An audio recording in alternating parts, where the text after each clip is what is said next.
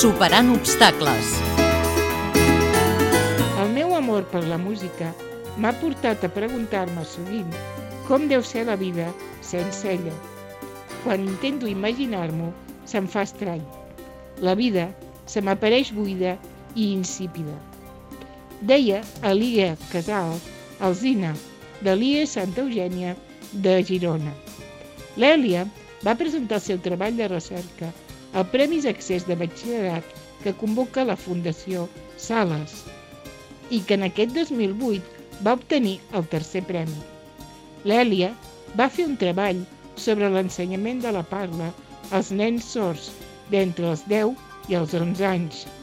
En el moment del lliurament va exposar com estava estructurat el seu treball de recerca. Em vaig documentar sobre l'evolució dels mètodes que s'han fet servir al llarg de la història per ensenyar a parlar a les persones sordes i el bloc pràctic consistia en unes...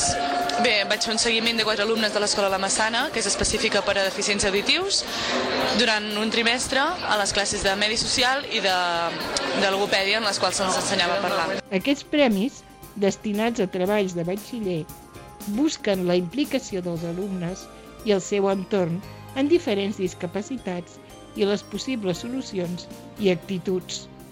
En el moment de rebre els premis, queda evident que la descoberta per la immersió en els mons molt propers o a vegades molt llunyans fa canviar de xip a les persones que hi treballen. Però no tots els sords poden arribar a articular paraules o llegir els llavis.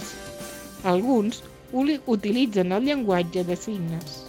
Aquest fet provoca un aïllament important del poc coneixement general que hi ha d'aquest llenguatge entre la població oient.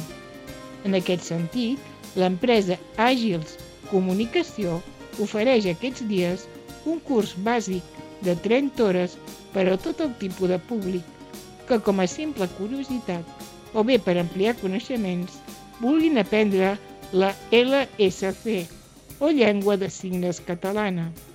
Si voleu més informació i fins i tot si us voleu proposar aprendre una nova llengua, podeu entrar a la seva web agilscomunicació.cat o bé trucar al 93 112 79 96. Montse Pous, periodista.